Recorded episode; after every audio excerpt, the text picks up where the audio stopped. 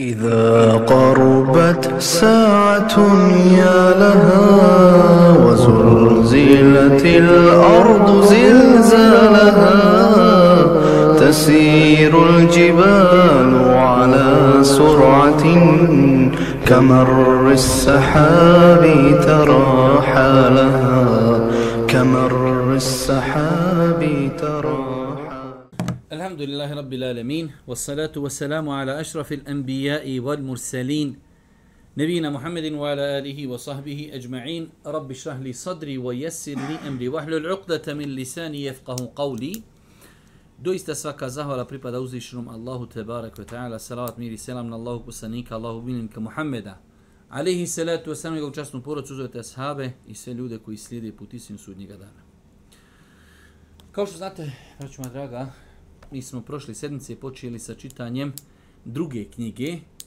iz seta šest knjiga autora Alija Sarabija. E, rekli smo da je u pripremi priprema ostalih četiri knjige. Autor Ali Sarabi o svakom temelju imana napisao je zasebnu knjigu. Mi smo čitali i pročitali kompletnu knjigu Vjerovanje u sudnji dan. Trenutno čitamo knjigu Vjerovanje u Meleke, ona je obimno mnogo manja od knjige Vjerovanje u sudnji dan. Prošli četvrtak je bio naš prvi ders, a evo večeras nastavljamo drugi ders čitanja knjige Vjerovanje u Meleke autora Alija Salabija na 54. stranici. U prošlom predavanju smo govorilo, govorili na početku u jednom dužem uvodu o bitnosti ove tematike, odnosno tragovima i koristima koje proizilaze iz vjerovanja u Meleke.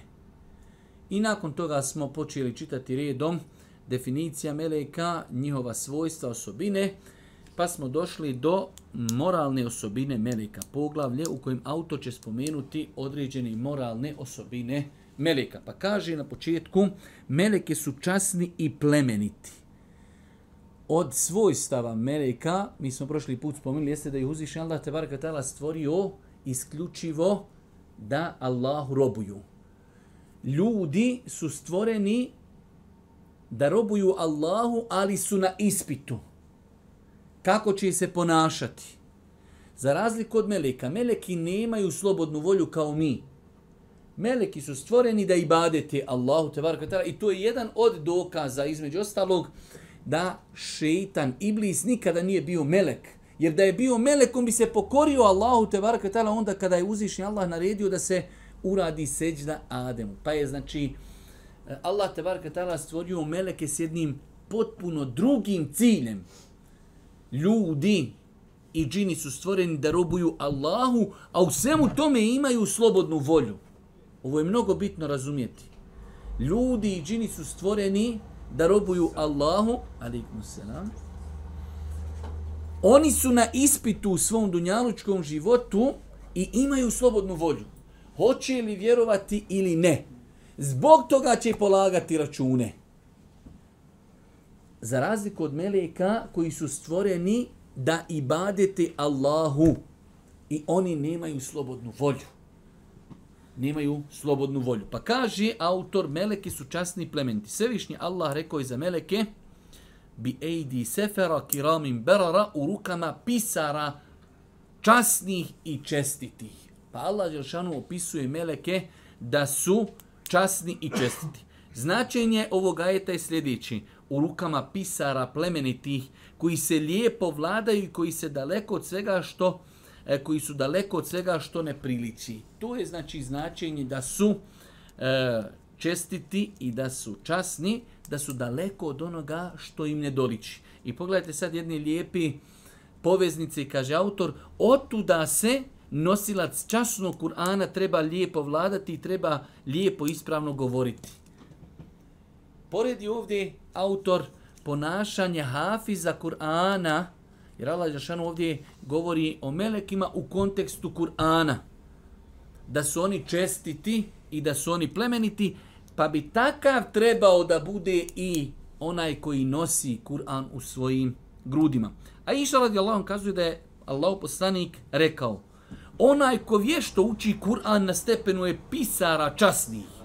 Ali selam. I čestitih. A onaj ko Kur'an uči s naporom ima će dvostruku nagradu. Jeste li sad dobro razumio ovaj hadis? Kaže, rekao je Allah poslanik, ali i salatu wasalam, onaj ko vješto uči Kur'an, imamo čovjeka, naučio je toliko dobro Kur'an, da dobro, dobro uči Kur'an. On će, kaže, biti na stepenu čestitih melika i časnih, a onaj ko ima poteškoću, jer znate, des, zna se desiti, do, doista pogotovo to znaju ljudi koji podučavaju Kur'anu, da imate nekada ljudi bez obzira što se mnogo trudi, ali je njemu izgovor ide teže. Nekada su tu čak i narodi. Naš narod generalno, hvala Allahu, nije da se falimo, ali naš narod dobro mu idu i jezici i dobro mu ide izgovor Kur'ana. Mi kad odimo gore u Švabajt, gore može Bošnja naučiti njemački bolje nek Švabo priča. Kod u Ameriku pričaju engleski bolje nego Amerikanci. Kad odem u arapski svijet, znamo i naučiti arapski veoma dobro. Za razliku od nekih drugih državljanstva, mi smo dole imali priliku da se upoznamo s nekim državljanstvima, da i ne imenujemo, ali ljudi provedu po 10 godina studirajući arapski jezik i ti sa njim, kad počneš konverzaciju, ti im kažeš, jesi ti novi student? toliko mu teško ide izgovor Kur'ana i izgovor arapskog jezika. E sad ovdje ovaj hadis želim da vas pitam. Kaže Boži poslanik, imaju dvije vrste učača Kur'ana.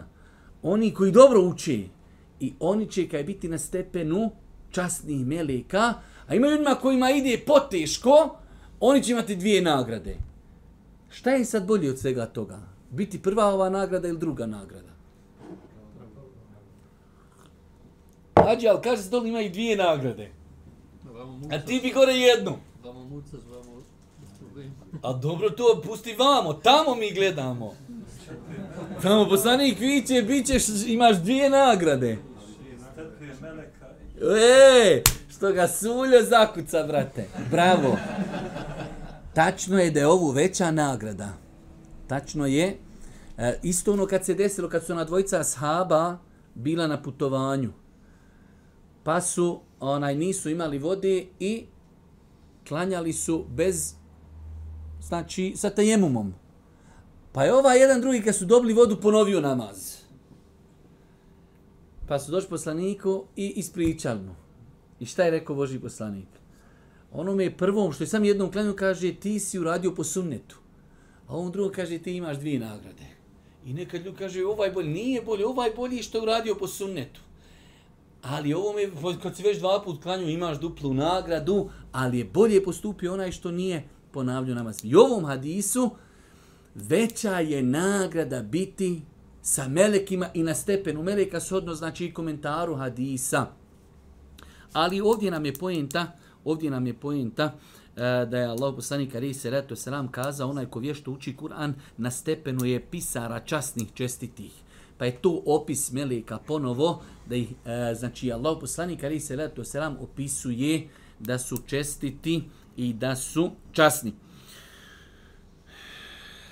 izraz el kerim koji upotrebljen u navedenim ajetima proteže se na sve vrste dobra na svaki oblik časti i na sve vrijednosti dobro Druga, e, drugi opis Melika jeste da su čestiti. Znači, prvi je bio časni i plemeniti. Drugi jeste da su čestiti.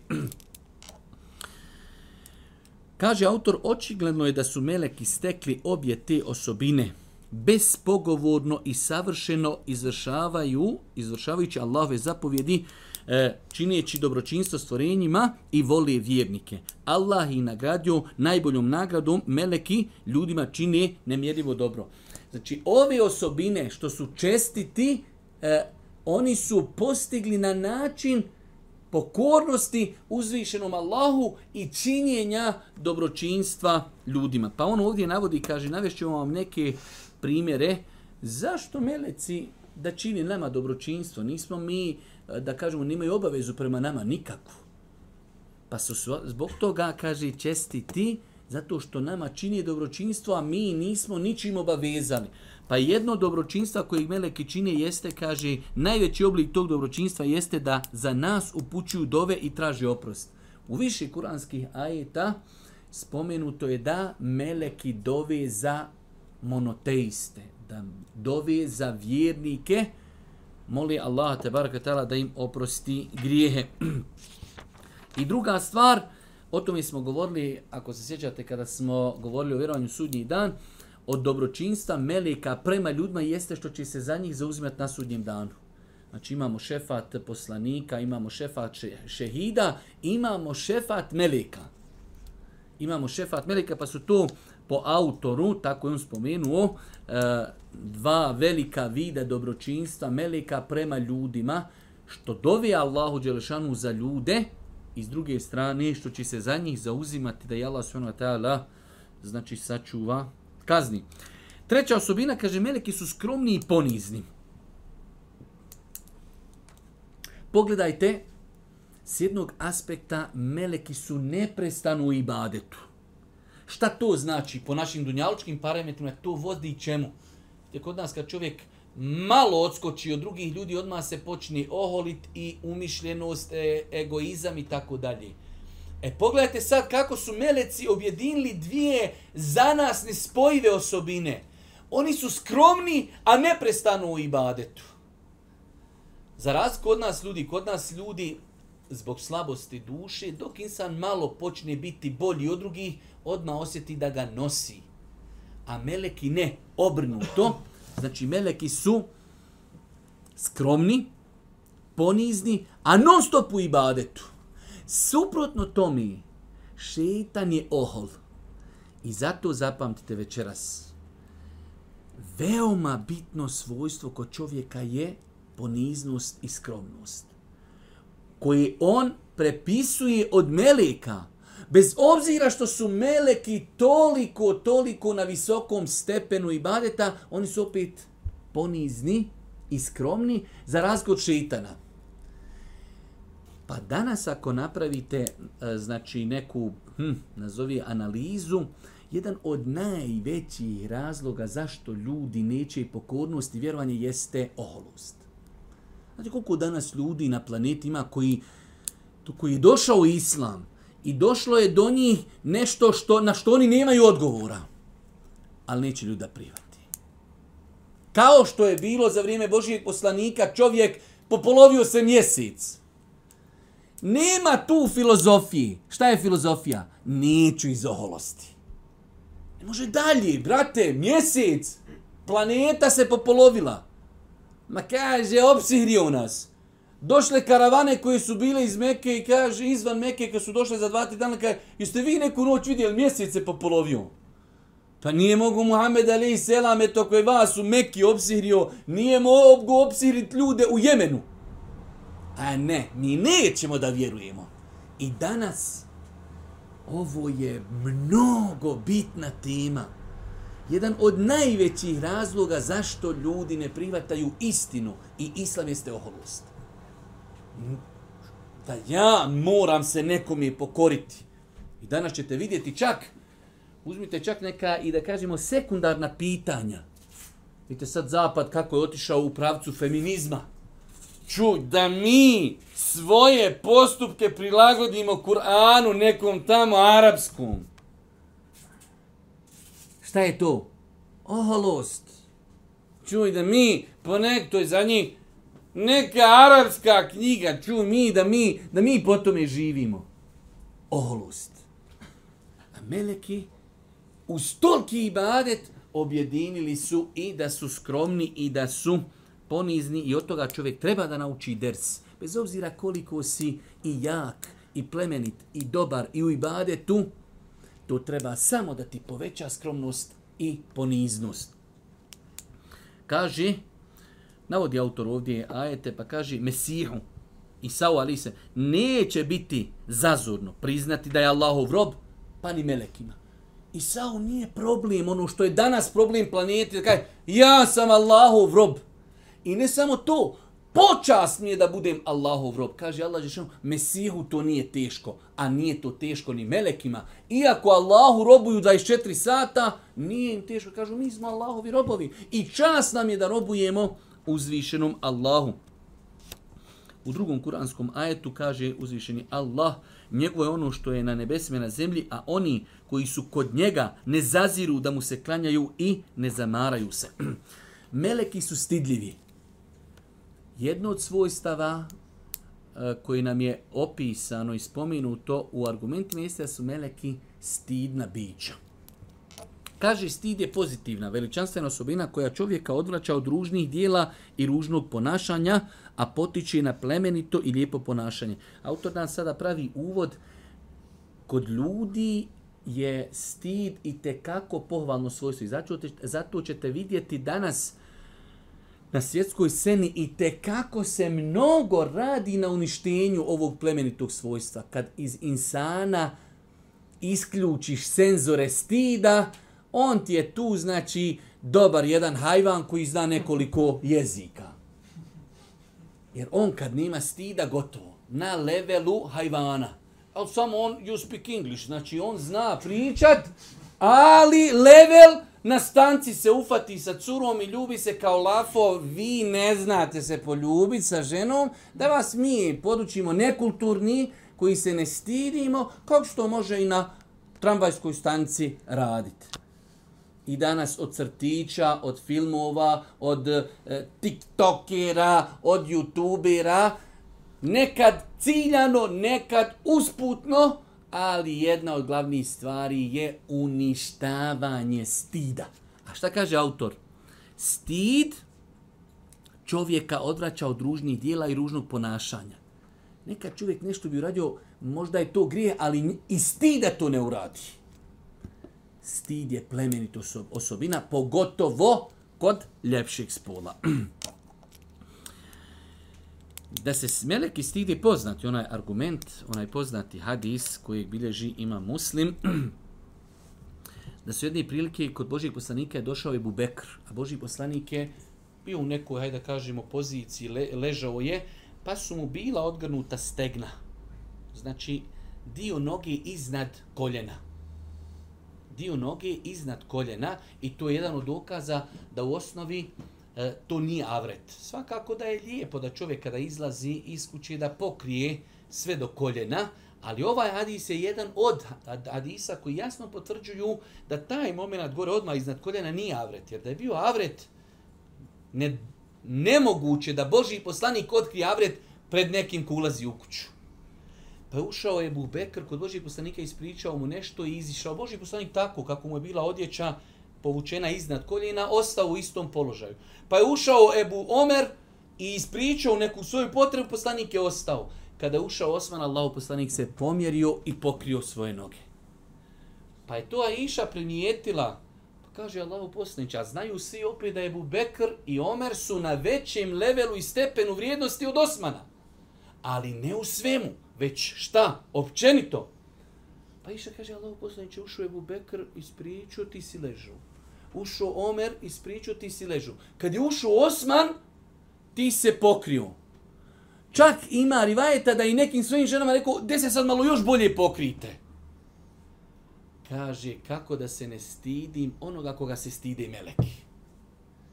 Pa je ovo argument da se meleki stide, imaju pri sebi svojstvo stida. Svakako ovaj hadis je jedan veliki argument koji ukazuje na vrijednost Osmana, radi Allah, kažu učenjaci, uh, Što je tu radio Boži poslanik? Znate, kad imate ljudi koji su stidni, on kad dođe, ako mu ne bude ambijent potamam, on i makar bi upotrebno ti neće kaza što je došao. Već moraš pazit sa njim da ti on rekne što je došao. Pa kažu, asa, kažu komentatori Hadisa da je poslanik ostao tako otkriveni noge,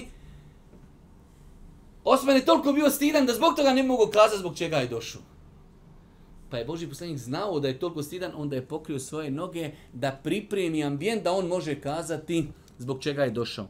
Ali ovo dokaz znači da da se meleki stide i da imaju pri sebi svojstvo. Jer kaže kako da se stidim čovjeka, a njega se stide meleki.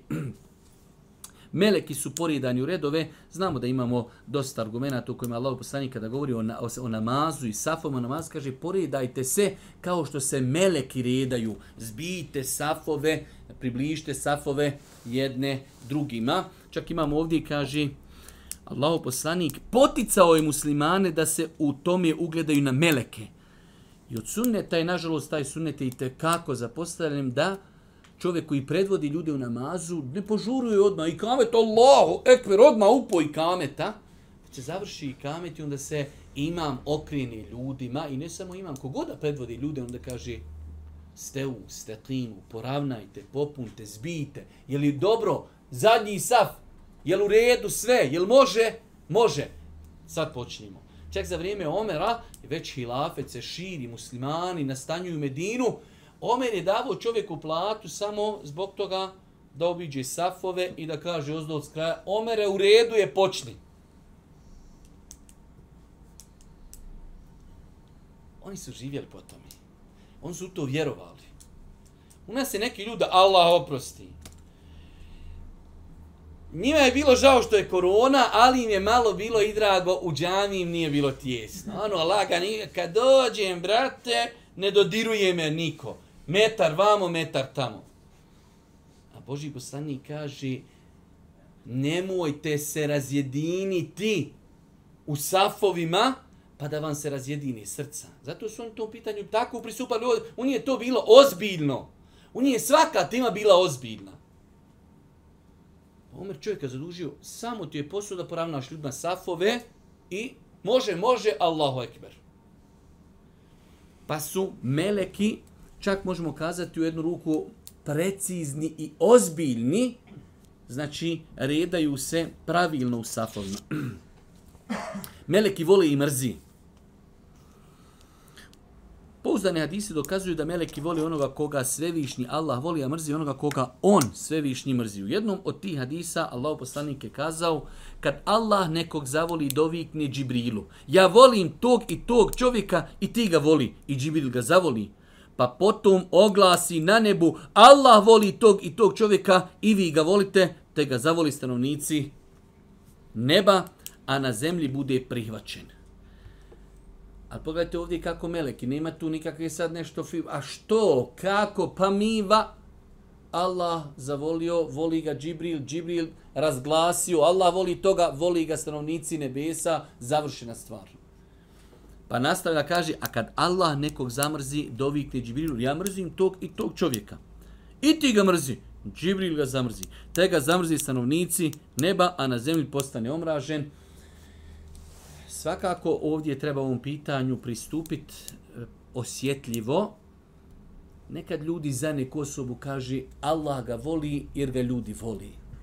Treba biti osjetljiv po tom. To je pitanje gajba može čovjek biti da ga ljudi voli, a da je muđrim na planeti, ne mre biti veći.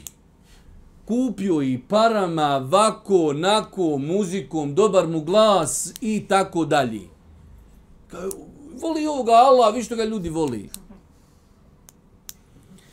Tako da, ili obrnuto, čovjek može biti dobar čovjek, ali mediji od njega napušu, neku pumpu naprave od njega, ljudi ga mrzio, čovjek dobar pa treba paziti u pogledu spuštanja ovih hadisa na pojedince. Mi vjerujemo da je ovaj hadis vjerodostan i da je on takav. Ali ko pod njega potpada kada? Tu moramo paziti. I u pozitivnom i negativnom smislu. I u pozitivnom i u negativnom smislu. Melekima smetaju pojave koje smetaju ljudima. Kaže autor, melekima smeta ono što smeta ljudima, kao na primjer neprijatan miris. Džabir je ispričao. Allah poslanik odvraćao nas je od konzumiranja luka i prasi. Al nas je nadvladala potreba za tim povrćem pa smo ga konzumirali. I on je rekao neka se ne približava džami, onaj koji konzumirao to povrće, neprijatnog mirisa, jer melek me smeta ono što smeta ljudima. Pa je ovo je, znači, pravilo kaže Innel melaikete tete eza mimma je teza minu benu adem. Adem melekima smeta ono što smeta ljudima misleći na miris. Nevezano sad za to, ali doista zna se desiti, vjerujte da čovjek, e, nije to sad, može to neko satiti provokacija, ali hajmo satiti bratski. Čovjek koji ne konzumira duhan, neka dođe u džamiju, stane do čovjeka, vjerujte da čovjek razmišlja da napusti namaz. Taj čovjek, on, on, on kod je bio u Hirošimi, jadnik, ko u Hirošimi ti kamenje zrači, ono kako je pala bomba i sad sve je postalo radioaktivno. E ovaj lik, on je sav radioaktivan. On sav, znači od džempera, nogu, rogavica, rukavica, on sav bazdi. I on kad stane, brate moj dragi, znači ti ne znaš šta klanjaš. Ti moliš Boga da hođa sam ući i na tajna i kulhu, vala da što prija preda selam.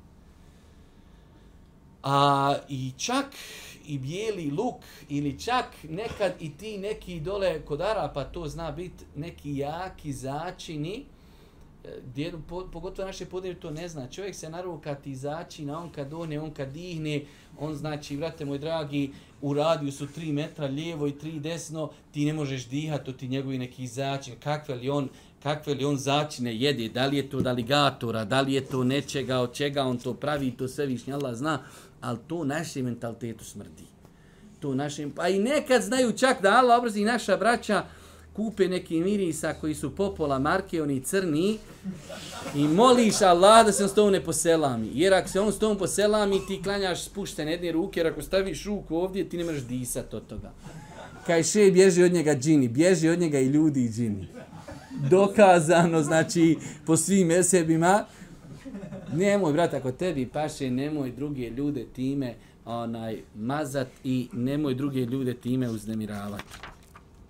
Vjerujte, ja nekad uđem kući, koliko vam poslije namaza, pa ljudi cijela malih sve, ono, idem kući, brate, što će mi smrdi dok ne skontam da mi je to na ruci, idem ovako ko, ko saobraćajac, držim ruku od sebe da dojem kući i dok moraš oprati ruku, bez pretjerivanja, to toliko zna, to toliko zna biti neugodan miris. Meleki ne znaju budućnost. Pogledajte kako autor pažljivo obrađuje akidetska pitanja.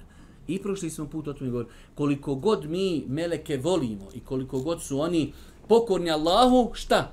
Ne imaju oni božanska svojstva. I oni robuju. I oni su robovi.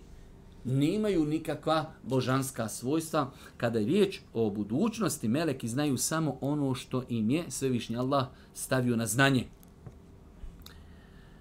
Kao što imate neke stvari iz gajba koje Allah da da neko od ljudi zna. Jer vidjeli ste da Allah poslanik je govorio o mnogim pitanjima gajba budućnosti. Sad stvari se dešavljaju 1600 godina, a Boži poslanik na nje ukazao zašto. Zato što mu je to Allah otvorio toliko da zna. Tako i melekima u datom momentu Allah može otvoriti da nešto znaju. Ali ništa više od toga. Pa meleki ne znaju budućnost, niti imaju kakva božanska svojstva. Meleki su uvijek poslušni gospodaru. I ovdje je autor baš na jedan lijep način rezimirao, kaže, meleki nisu poput ljudi i nemaju slobodnu volju niti htjenje. Znači, nisu poput ljudi u tom kontekstu. Oni jesu stvorenja, oni jesu stvoreni, ali ljudi imaju slobodnu volju, meleki ne. Oni su stvoreni samo da robuju uzvišenom Allahu svena da ga veličaju. Meleki nisu poput ljudi i nemaju slobodnu volju niti htjenje. Meleke Allah nije stvorio kako bi ih stavio na ispit, nego radi toga da njega obožavaju. Mi smo na ispitu. I zato ćemo odgovarati. To je, to je vjerujte, razum. Tu imate ljudi kad dođe kaže kako ljudi imaju slobodnu volju. Nepravda bi bila da je te gospodar stvorio i da si ti takaj, ja sam stvoren da sam pjanca. Dobro. I dođeš na sudnji dan, gospodar kaže, što si bio pjanca? To je zulum prema Allahu, Allah je čisto od zulma. Već te gospodar stvorio, dao ti slobodnu volju. I ti kad uđeš u, u supermarket, šta ima? Mislim sad, konjak, štok i kola. I ima sultan kola. E sad, Šta ćeš ti lapit, to je tvoje. Šta ćeš ti popit, to je tvoje i zato ćeš odgovarat na sudnjem danu. Pa smo mi na ispitu. Meleki nisu na ispitu. Oni robuju, stvoreni su da veličaju Allahu, da veličaju Allaha, te barake ta'ala. Iz, iz navedenog se izlači zaključaj da su meleki šerijetski obveznici, ali ne u smislu u kojem su to ljudi i džini. Ljudi i džini mogu sami odlučivati hoće li biti po, e, poslušni gospodaru ili neće u njihovom obavezivanju, e, obavezivanju vjerskih dužnosti. Znači, hoće li ili neće, meleki robuju samo uzvišenom Allahu subhanu wa ta'ala. Nakon toga, e, autor prelazi na treću glavu, treći pogled, pa kaže broj i imena meleka i da li meleki umiru ili ne. Mi smo, koliko sjećam, u prošlom predavanju nakon malo se dotak tog pitanja da je broj meleka velik, ali baš velik. Ne zna ga niko osim uzvišeni Allah jer je on sveznajući. Pa je ovdje autor kazao, meleki su golema Allahova stvorenja i samo on zna njihov broj i osobine. U vezi s brojem melika prenesene su predaje pred kojima staje i ljudski um. I doista. Znači, kada čujete broj meleka, odnosno argumente koji ukazuju na broj meleka, mi možemo samo kazati, mi vjerujemo u to. Dunjalučki, po našim parametri, tu i naš mozak kreni da to shvati, kaj ne mogu dalje, ne može jednostavno, ne može dalje. Pa kaže, u te predaje spada hadis o noćnom putovanju Israu i Mi'rađu, u kojim stoji da je rekao, znači, Allah poslani, zati sam uzdignut na sedmu nebo. Džibril je zatražio dozvol da nam se otvori vrata i, upita, i, i upitanje ko si ti, odgovorio ja sam Džibril. A ko je s tobom, upitaše, na što on odgovori, sa mnom je Muhammed. Upitanje. A zar je već poslat? Da, poslati. Džibril odgovori. Tad nam, uh, tad nam je otvorena kapija sedmog neba. Tu sam sreo Ibrahima, ali se letu naslonjen na Bejtul Ma'mur, nebesku kabu, u koju svaki dan uđe 70.000 meleka i i nikada se više ne vrati. Zamislite evo sad, kad bi samo rekli, a nije, da ovo važi 1600 godina od ovih kako je Muhammed alaih salatu wasalam obavio Isra vol Mi'rađ. A gdje je ostali dio čovječanstva, historije? Svaki dan u Bejtul Ma'mur, kaže, mi smo krenuli do sedmog neba, pa je Džibril tražio dozvolu kako su, znači, prema sine e, nebesima. Pa je upitan ko je, kaže Džibril, ko je s tobom Muhammed, zar je već poslan? Jeste. Pa im je otvoreno kada pa smo vidjeli sreli Ibrahima naslonjen na nebesku kjabu. I onda on opisuje tu kjabu, kaže u nju svaki dan uđe 70.000 meleka i izađu. I više se nikada tu ne vrati. Znači svaki dan 70.000 novih meleka ulazi u tu kjabu. I sad zamislite, evo uzmite od vremena poslednjih 1600 godina, pa puta 360 dana, pa puta 700 70.000. To je znači nešto gdje staje ljudski razum. A zamislite koliki period čovečanstva je prošao prije Allahovog poslanika, alihi salatu wasalam. Isto tako, hadis koji ukazuje na velik broj e, meleka jeste, kaže, da je Allah poslanika u tog dana džehennem će biti dovučen sa 70.000 povodaca, svaki povodac vuči će 70.000 melika. Znači džehennem je toliki da ima 70.000 nekih ručaka povodaca, za svaki ta jedan povodac vozi 70.000 melika. I opet jedan hadis koji možda još više ukazuje na broj melika kaže Allahu poslanik čuje škripanje neba uslijed težine velikog broja melika koji se na njemu nalazi. Rekao je u vezi s tim, ja vidim ono što vi ne vidite. I čujem ono što vi ne čujete. On je čuo škripanje nebesa koje mi ne čujemo.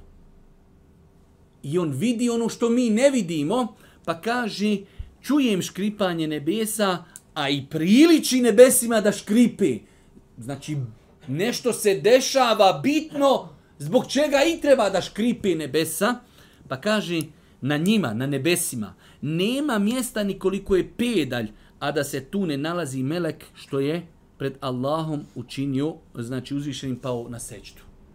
Sad zamislite koliki, kolika su sedam nebesa. I da nemate pedalj, znači to je bukvalno melek, do meleka između njih nema pedalj, a da nema melek koji čini seđdu Allahu te barakatala. Pa opet se vraćamo na šta? Vraćamo se na veličinu Allaha te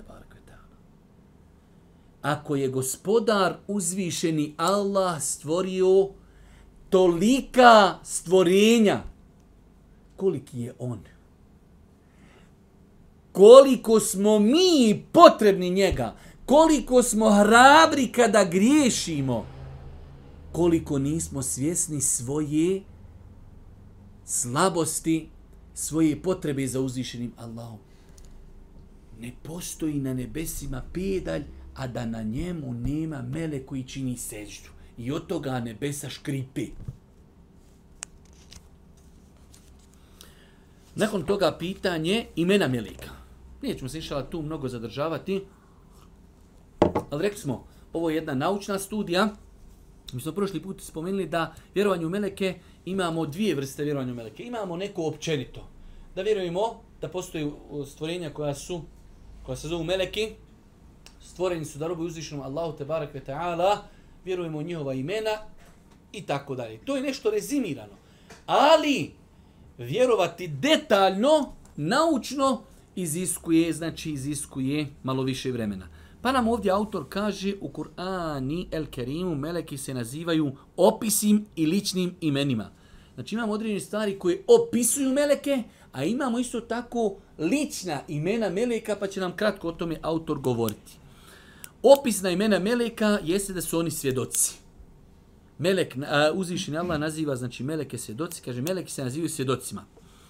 Mi ćemo doista pomoći poslanike naše i vjernike u životu na onom svijetu i na dan kada se dignu svjedoci. Ibnu Kethir i drugi kažu da se tu misli na svjedoke meleke. Meleke znači svjedoči ono što ljudi rade i zapisuju ono što ljudi radi i svakako, znate kad smo govorili o sudnjem danu pa smo rekli prilikom polaganja računa imamo više vrsta svjedoči, svjedo, svjedočenja, zemlja će svjedočiti, ekstremiteti, čovjekovi će svjedočiti, i znači čovjekove ruke, čovjekove noge, čovjekove uši, čovjekove oči, svjedočit će melek i svjedočit će ljudi jedni protiv drugih i svjedočit će uzvišeni Allah tabaraka ta'ala. Pa su meleki nazvani na više mjesta svjedoci.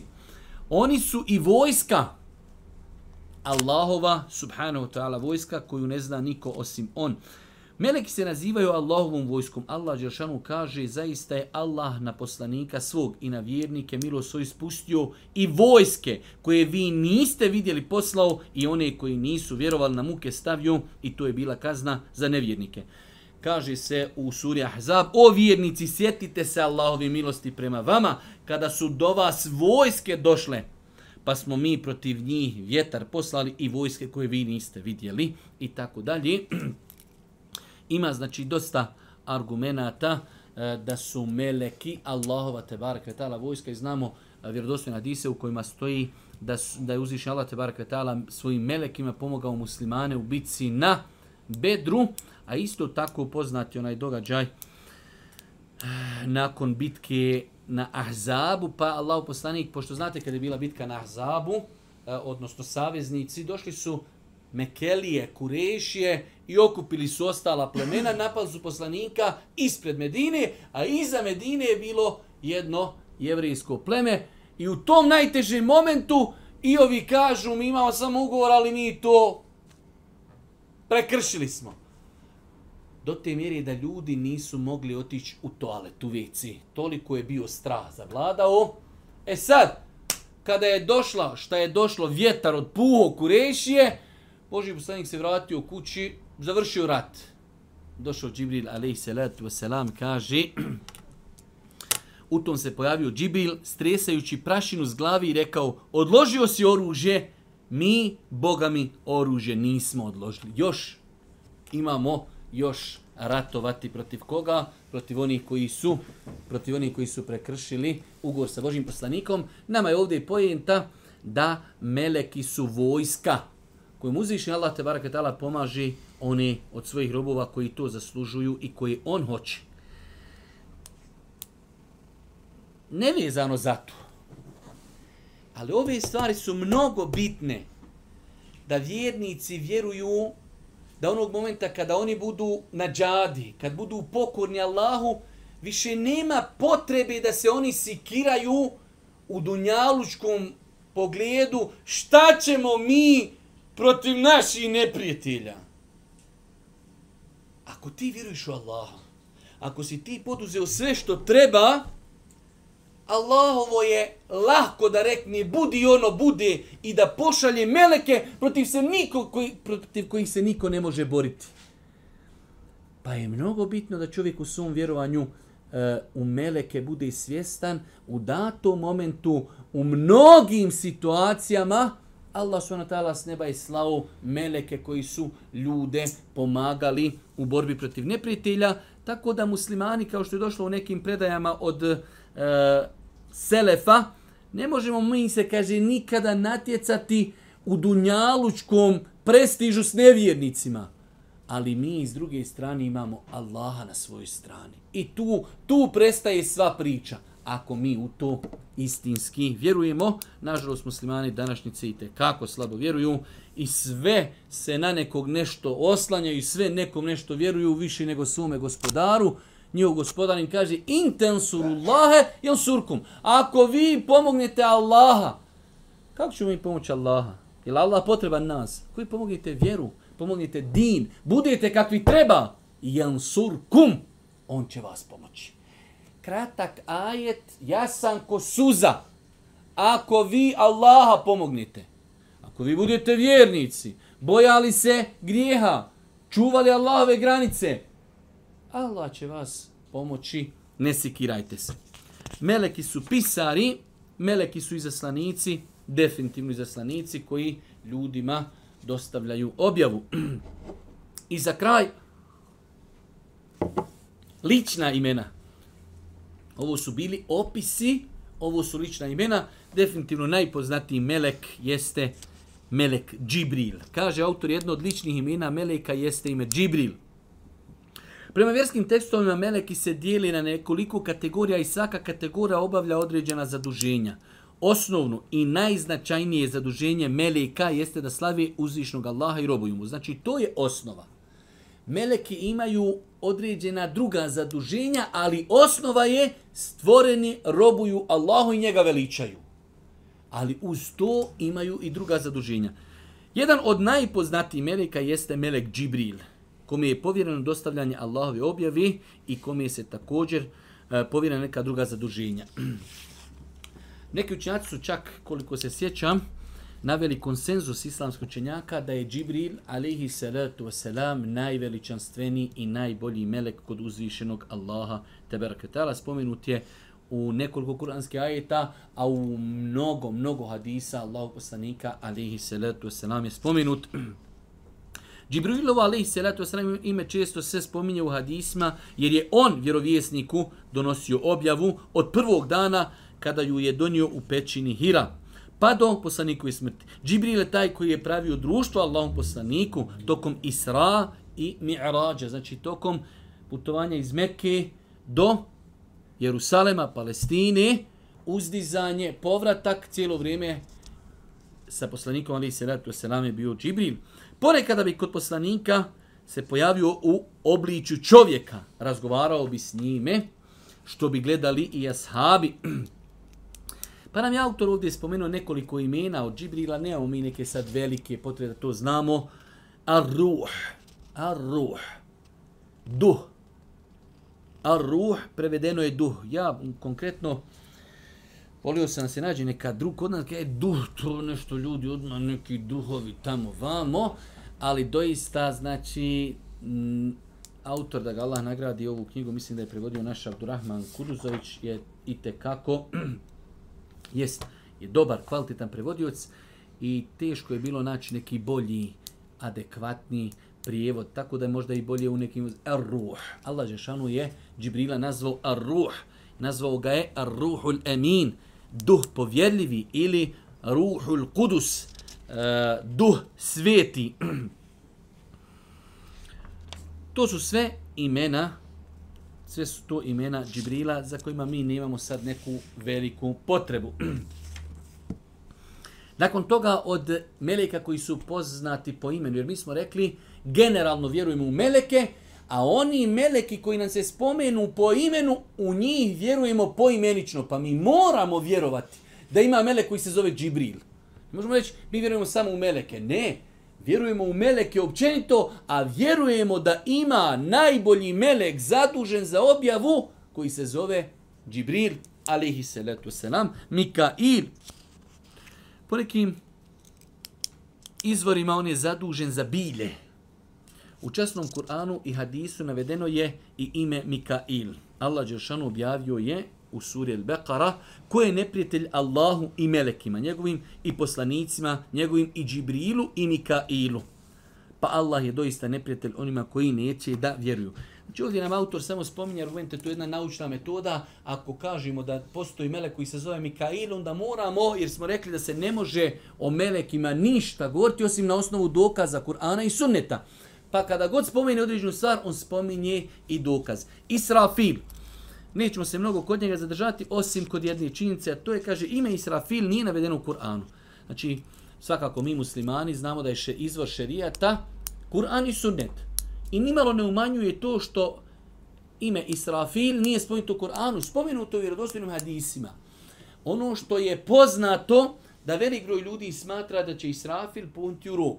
I čak neki navode konsenzus. Ali rekli smo da ime Israfil je potvrđeno samo sunnetom. Ne postoji nigdje hadis koji jasno kaže da će Israfil puhnuti u rog. I zato nekada ljudi, kada prevode te hadise, stavljaju Israfil. Ne, nije u hadisima došlo Israfil, ali ljudi prevedu po komentaru, a hadisi u kojima se govori o puhanju u rog kažu sahibul karn, vlasnik roga. A ne kaže se nigdje da će Israfil puhnuti u rog, jasno. Ali, inšala bizna, nije to neka krupna mesela i pitanje. Melek Israfil postoji. Spomenuti u hadisima Allahog poslanika, vjerodosti, sad ćemo citirati taj hadis kojeg je dobro da poznajemo. E, ono što nije, znači, potvrđeno da će on punuti baš u rog. Kaže se da ga Allah poslanik spomenuo u svojoj poznatoj dovi koju je učio na noćnom namazu. Allahu, gospodaru Džibrila i Mikaila i Israfila. Znači, Allah poslanik inače je poznato kada bi počinjao noći namaz, učio bi dove u kojima bi hvalio Allaha, pa ovdje počinje dovu i kaže Allahu, gospodaru Džibrila i Mikaila i Srafila, stvoritelju nebesa i zemlji, poznavaoće vidljivog i nevidljivog, ti ćeš presuditi svojim robovima u onome u čemu su se hvalili podvijali i razilazili, svadili, uputi me da svatim pravu istinu o onome u čemu su se ljudi, u čemu se ljudi ne slažu. Jer ti zaista upućuješ na pravi put. Ovo mnogo dobra dova za šta? Kada dođu vremena, pa jedni lijevo, jedni desno, a ti na raskrišću ne znaš kud bi. Ustaniš i učiš ovu dovu i kaš gospodaru, gospodaru Mikaila i Džibraila i Israfila, Ti si onaj koji ljudima ukazuje istinu onda kada se ljudi raziđu, meni ukaži na put gdje je istina u pogledu toga. Kaže, uputi me da shvatim pravu istinu o onome u čemu se ljudi ne slažu, jer ti zaista upućuješ na pravi put. Evo kaže ovdje autor, ne postoji ni jedan jedini pouzdan hadis u kojem se kaže da Melek Israfil je taj koji će punti u rog. Premda je mnogo hadisa koji govori o broju i načinu puhanja rog i tako dalje. Ne treba sad se nešto plaho, znači eh, ovo je izuzetno rasprostranjena činjenica.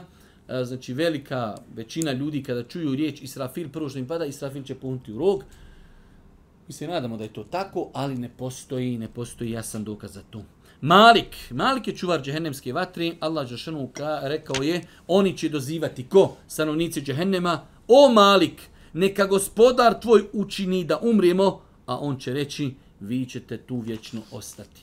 Pa ovaj ajet potvrđuje da postoji melek koji se zove Malik. melek smrti. Naš narod meleka smrti zove Azrail, a u Kur'anu je spomenut kao Melekul Meut. Melek smrti i to je ispravnije i bolje, iako će nam autor na kraju kazati dva imena koja ne bi trebalo da koristimo. Eh, a to su eh, Azrail i Raqib i Atid. Znači nije tačno da se melek smrti zove Azrail, odnosno to ne potvrđuju autentični dokazi. Eh, reci melek smrti koji vam je zato određen dušu će vam uzeti i tako dalje. Znači pa je spomenut kao melekul meut, melek smrti. Munkir i nekir. Nekir. Imena Munkir i Nekir navode se u hadisima u kojima se govori o kaburskom ispitivanju. Znači dva meleka koja će ispitivati ljude u kaburu zovu se Munkir i Nekir. Imaju a, dva a, meleka koja su spomenuta u Kur'anu u suri El Beqara. I veoma je bitno da čovjek to zna. A ta dva meleka se zovu Harut i Marut. Harut i Marut. Harut i Marut. Zašto je bitno ovo znati? Zato što u mnogo tefsira i, i, i mnogo tekstova za ova dva meleka se vezuju predaje, predaje, pa čak i u tefsirima, čak u tefsirima koji su i tekako rasprostranjeni u muslimanskim masama. Tako da je veoma, pa, insan treba biti pažljiv, kada čita o ova dva meleka. Allah Žešanu spomenu u suri El Beqara u 102. majetu kaže i povodi se za onim što su šeitani o Sulejmanovoj vladavini kazali. A Sulejman nije bio nevjernik, šeitani su nevjernici. Učili su ljude vrađbini onome što je bilo nadahnuto dvojici meleka. Znači Allah jasno kaže melekejni. Da su to, pošto postoji neko razilaženje ko su te dvije osobe zbog dijela koja su radila. Ali ako čovjek nauči se pravila da je Allah Đeršanu taj koji je izrekao Kur'an i da mi samo tako treba da vjerujemo i prima, to je završena stvar. Pa kaže onome što je bilo nadahnuto dvojici Meleka Harutu i Marutu u Babilonu. A njih dvojica nisu nikog učili dok mu ne bi rekli mi smo, mi samo iskušavamo i ti ne budi nevjernik. Znači, Allah Đeršanu je narodu poslao dva meleka koja su ih podučavala sihru. Ali su oni bili iskušenje. I on ti kažu, nemoj ovo učit. Ovo je neispravno. Takav vid iskušenja. Ko što je Allah Đeršanu stvorio iblisa. Allah je stvorio iblisa. I znao da će do sudnjeg dana zavest milijone ljudi iz Boga godoše u džehennem. Ali to baš jeste ispit. Ispit. Pa je i ispit jasno Allah Đelešanu i danas sam se vraćao na mnoge tefsire, jer je ovo opasna tema. Znači, samo vjerovati kako piši. Dva meleka koji su iskušenje ljudima. I jasno Allah Đelešanu kaže, oni bi rekli, mi smo iskušenje i nemoj biti nevjernik. Ako ovo budeš radio, odeš u nevjerstvo. Ali ako hoću, mi ćemo te podučiti a mi smo iskušenje. Pa je ovo ispravno razumijevanje ovog pitanja o ovim Harutu i Marutu, kakvi sve predaja i priča i vrivajeta ima da ti mozak se okreni 160 puta. Imena Meleka kojima ih nije valjano zvati Azrail, znači u nekim predajama navodi se da se Melek smrti zove Azrail, no u Kur'ani, Kerimu i poznanim hadisama Melek smrti nije nazvan tim imenom. Znači Melek smrti najbolji ga je zvati Melekul Meut, melek smrti. Raqib i Atid. Neki ljudi misle da je to da su imena meleka, a to nisu imena meleka. On kaže na kraju izraz Raqibun i Atid upotrebljeni su u ovom ajetu označavaju karakteristiku dvojice meleka. Znači to je opis meleka, a ne imena meleka. Imamo ovdje samo uh, Ma ima više pitanja, ne, mislio sam da završimo još samo dva pitanja, ali bojim se da ćemo to požuriti da li meleki umiru i da li se mogu vidjeti na Dunjaluku, ali bojim se da ćemo da ćemo osakati ta dva pitanja, pa bolje je da se zaustavimo da možemo stići ako Bog da na namaz. Subhanak Allahumma bihamdike, ešhedu an la ilaha illa anta, astaghfiruke wa atubu ilaik.